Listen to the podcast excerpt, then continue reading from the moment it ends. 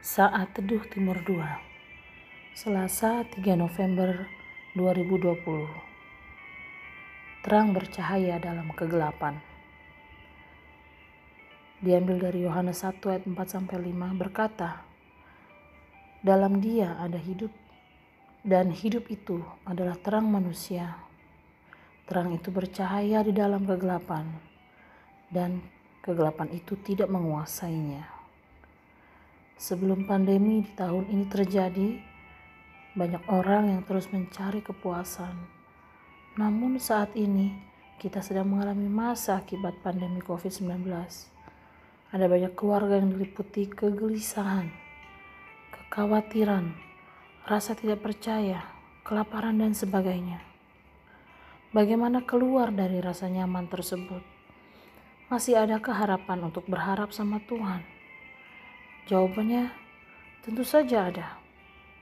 Sebelum masa pandemi ini terjadi, banyak orang merasa sangat diberkati dan melimpah dengan syukur. Namun saat ini tidak kalah pentingnya, kita merasakan ada banyak anugerah Tuhan bekerja. Ada doa tiga kali dalam sehari secara online. Usaha yang terus berjalan, bahkan berani mendirikan usaha baru walau kecil-kecilan dan bagaimana Tuhan memulihkan umat yang percaya kepadanya dari sakit COVID dan penyakit lainnya.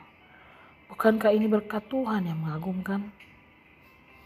Salomo menceritakan bagaimana ia telah mencoba kesenangan, kekayaan, dan kenikmatan. Usaha menemukan kepuasan dan hidup yang menyenangkan. Namun semua ini tidak menghasilkan kebahagiaan sejati dan hidup masih tidak memuaskan.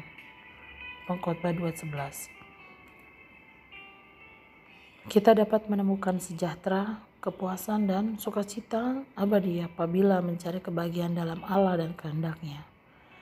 Yohanes 1 ayat 5 berkata tentang Kristus itu bersinar di dalam dunia yang jahat dan berdosa yang dikuasai oleh iblis. Sebagian besar dunia belum menerima terang atau hidupnya namun kegelapan tidak menguasainya.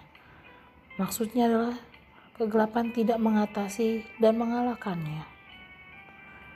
Yohanes 1 ayat 8 sampai 12 berkata, "Ia bukan terang itu, tetapi ia harus memberi kesaksian tentang terang itu, terang yang sesungguhnya yang menerangi setiap orang sedang datang ke dalam dunia.